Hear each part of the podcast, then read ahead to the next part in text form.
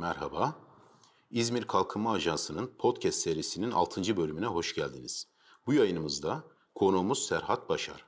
Kendisinden yazarı olduğu ve ajansımızın Kültür Yayınları Kültür İnsanları serisinin 3. kitabı olarak yayınlanan Bestekar Hoca Rakım Elkutlu Hayatı ve Musikisi isimli eseri dinleyeceğiz.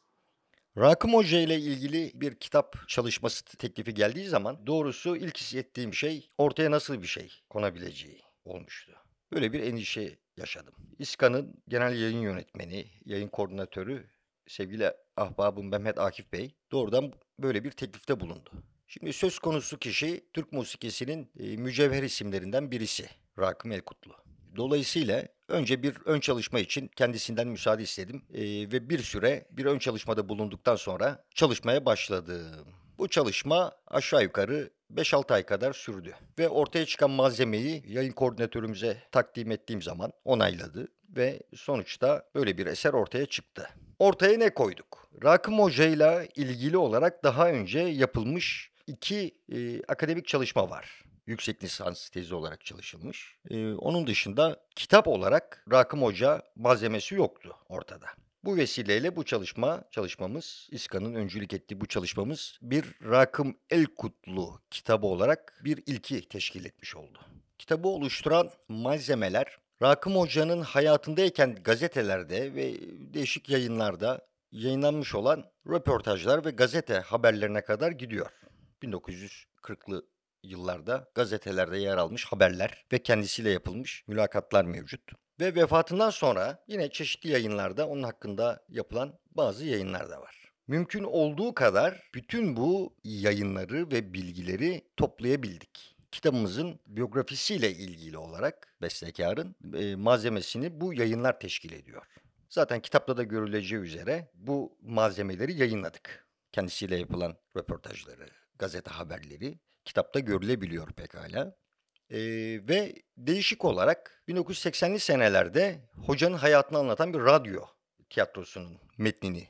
Ee, yine ayrıca Rakmel Kutlu ile ilgili olarak İzmir Radyosu'nda yapılmış olan bir radyo sanat gecesi programının da metnini deşifre ederek kitaba yerleştirilmiş olduk. Onun dışında hocanın eserlerinin değişik başlıklar altında listeleri mevcut. Usullere göre, makamlara göre, Güfte şairlerine belli bir yer ayırdık. Güfte şairlerini tanıtmaya çalıştık. Ve tabii esas olarak da bulunabilen, tespit edilebilen eserlerinin, bütün eserlerinin notalarını e, değişik versiyonlarıyla beraber e, kitabımıza koymuş olduk. Ve böylece musiki severler esasen çok eksik olmakla beraber bugün için ulaşılabilen en geniş haliyle bir Rakım Elkutlu külliyatına ulaşabilme imkanına sahip oldular. Kitabın teknik yönünden bir hayli bahsettik. Rakım Hoca'nın kim olduğuna dair uzun uzadıya bir şeyler söylemeye gerek yok. Zira kitapta e, biyografisi olabildiğince geniş şekilde zaten verildi. Rakım Hoca bir din adamı. İzmir'deki Hisar Camii'nin uzun yıllar, yarım asırdan fazla bir süre imam hatipliğinde bulunmuş bir din adamı. Ve aynı zamanda bir şeyh.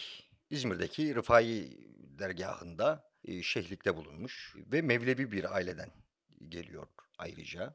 İzmir Mevlevi Hanesi'nde hizmette bulunmuş ve Mevlevi kültürüne, Mevlevi musikisine de bir ayni şerif besteleyerek çok önemli bir katkıda da bulunmuştur. Onun ayni şerifinin e, doğrusu estetik olarak musiki sanatı bakımından özel bir yeri vardır. Bunu kitabımızda barkodu da mevcuttur. Oradan dinleyecek olan okurlarımız fark edeceklerdir ki oldukça yüksek bir musiki zevki silimini yansıtmıştır Rakım Elkutlu. Karciğer Mevlevi ayininde. Kendisi şahsiyet olarak neşeli, umumiyetle neşeli, latife gü eski tabirle, latifeyi seven, espriyi seven bir kişiydi. Hayatın daima güzel taraflarını görmeye çalışan ve gören, hayatın güzelliklerinden tatlar almaya gayret eden bir yaşam tarzına sahipti. Karamsar bir yapısı olduğunu söyleyemeyiz kitapta da zaten görülecektir. Anekdotlardan anlaşılacaktır. Pek çok esprileri ve latifeleri kaynaklara geçmiştir. Onları da biz kitabımızda bir araya getirmeye çalıştık. Rakım El Kutlu'nun musikisi bu konu başlı başına bir husustur. Türk musikisi camiasında Rakım El Kutlu eserlerinin ayrı bir yeri olduğunu herkes takdir eder. bütün muski camiası, muski şinaslar, muski sanatkarları pekala bilirler ve zevkle dinlerler ve icra ederler. Amatör korolardan tutunuz, profesyonel korolara, topluluklara kadar TRT radyolarında Rakmel Kutlu'nun eserleri hemen hemen her gün diyebiliriz ki zevkle icra edilmektedir ve musiki severler tarafından da dinlenmektedir. Türk musikisi var olduğu müddetçe Rakım Hoca'nın eserleri daima yaşayacaktır. Bunda hiçbir şüphe yoktur. Rakım Elkutlu eserlerinin yayınlandığını, eserlerinin neşnema bulmasını olgunluk çağlarında görmüştür. Münir Nurettin Selçuk ve Safiye Aylan'ın kendisini ziyaret ederek eserlerine teveccüh göstermelerinden itibaren 1930'lu yıllarda Rakım Elkutlu eserleri plaklardan duyulmaya başlanmıştır. Hem plaklarda aynı zamanda da radyolarda ses sanatkarları tarafından icra edilmiştir. Hoca böylece bazı eserlerinin bu yayın araçları vasıtasıyla dinlendiğini, beğenildiğini de görmüştür. Bu mutluluğa da böylece erişmiş oldu. Yaşının ilerlemiş olduğu yıllara denk gelmesine rağmen. Kitapta Rakım Hoca'nın iki hocası hakkında şimdiye kadar e, hiçbir yayında henüz görülmeyen iki belge yayınlayabildik. Devlet arşivlerinden tespit ettiğim iki belge ilk defa gün yüzüne çıkmış oldu. Birisi Tanburi Ali Efendi'nin sarayda ikinci imamlık vazifesine getirilmesiyle ilgili bir belge. Diğeri de diğer hocası olan Santo Şikar Efendi'nin adının geçtiği bir belgedir. Bu da bir böylece bir ilk olarak bu kitapta ortaya kondu. Kitaptaki görsel malzemeler de tabii diğer yandan dikkat çekmektedir.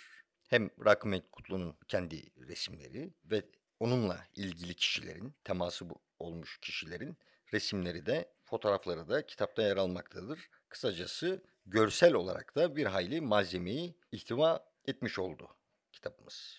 Rakım Hoca bir İz- İzmirli, doğma büyüme. Bütün ömrünü İzmir'de yaşamış, orada vefat etmiş. Bir. Onun musikisinde muhakkak ki İzmir'de, İzmir'in güzellikleri de önemli bir yer tutuyordu. Nait Hilmi Özer'in Karşıyaka'daki evinde yapılan musiki toplantıları. Bunun yanı sıra e, katıldığı diğer musiki toplantılarında da coşup eğlendikleri anlarda İzmir Körfezi'nin üzerinde parıldayan mehtap, tabiatın, denizin ve İzmir'in kırpışan ışıklarının güzelliği muhakkak ki Rakım Hoca'yı etkilemiştir. Hatta bu konuda kitabımızdaki Mualla Gökçay'la olan anekdotta İzmir'in bu güzelliğinden de bahsetmiş bulunuyoruz ki böyle bir anda Hüzam şarkısının ortaya çıktığını biliyoruz. Susmuş gece mehtap sizi dinlerdi denizden. Muski severler çok iyi bileceklerdir. İzmir'le bütünleşmiş, eti kemiği İzmir'in toprağına, suyuna, havasına bütünleşmiş bir halis İzmir evladı olarak Rakım Hoca musikisini İzmir'de yapmış ve bu musiki İzmir'den Türkiye'ye. Dolayısıyla Rakım Hoca demek İzmir'dir, İzmir demek Rakım Hoca demektir. Rakım Hoca hakkında bugüne değin ortaya konmuş olan yegane kitap İSKA'nın yayınladığı Bestekar Hoca Mehmet Rakım Elkutlu. Bunun belki de daha önceki yıllarda yapılmış olması gerekirdi. Fakat eski tabirle her şeyin bir vakti merhunu olduğu söylenir. Anlaşılan bu zamanında yaş- yaşadığımız şu günler olduğunu e, düşünüyorum. Böyle bir çalışmanın vesilelerle bana nasip olmasını da bir gurur kaynağı olarak addediyorum. Ve daha iyilerinin yapılmasını da doğrusu diliyorum.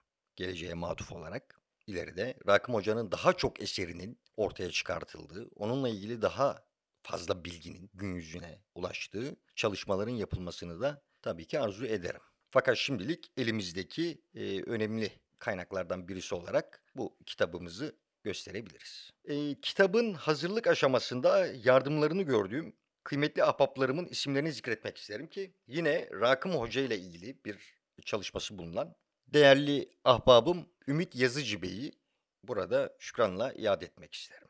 Bestekarımızın torunu sevgili abim Erkut Elkutlu Bey'i almak isterim. Yine Rakım Hoca'nın akrabalarından Enise Şenli Hanım'a verdiği değerli bilgiler için teşekkür ederim.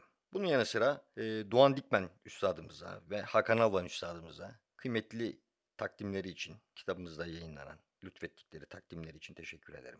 Profesör Doktor Ali Birinci hocamıza, Profesör Doktor Ferdi Koç'a, arşivci ve musiki şinas Doğan Bayın Bey'e ki Doğan Bey Rakım Hoca'nın çok güzel bir fotoğrafın orijinalini. Nihavet şarkının Safiye Ayla'dan kaydını ulaştıran Tevfik Bildik Bey'e çok teşekkür ederim. Arşivlerinden seçerek Rakım Hoca eserlerini bana ulaştıran İbrahim Reşit Çağın'a ve Necati Biçen beylere çok teşekkür ederim. Bu değerli apaplarımı, isimlerini zikretmeden doğrusu içim rahat etmeyecekti. Ayrıca kitabın mizampajını, tasarımını yapan Orçun Bey'e de çok teşekkür ederim. Ve teşekkür etmek istediğim diğer bir isim de Çağdaş Bey'dir. İzmir Kalkınma Ajansı Rakım Elkutlu kitabını ve diğer yayınların yayınlarını neşretmekle Türk kültürüne e, çok büyük hizmetlerde ve bu hizmetleri sürdüreceğine de inanıyorum. Tarihimizde, sanatımızda, bilim geçmişimizde önemli hizmetlerde bulunmuş kişilerin biyografileri. Bunların neşvineva bularak okuyucularla e, buluşması muhakkak ki çok önemlidir. Kültür ve sanat tarihimiz bakımından İzmir Kalkınma Ajansı'nın bu çalışmaları bu çalışmaları şimdiye kadar olan yaptığı katkıları takdir etmekle beraber bundan sonra da bu tür çalışmalara devam edeceğini ümit ediyorum. Ve bütün çalışma arkadaşlarıma hazırlık aşamasından baskıya gittiği güne kadar bütün çalışma arkadaşlarıma da candan teşekkür ederim.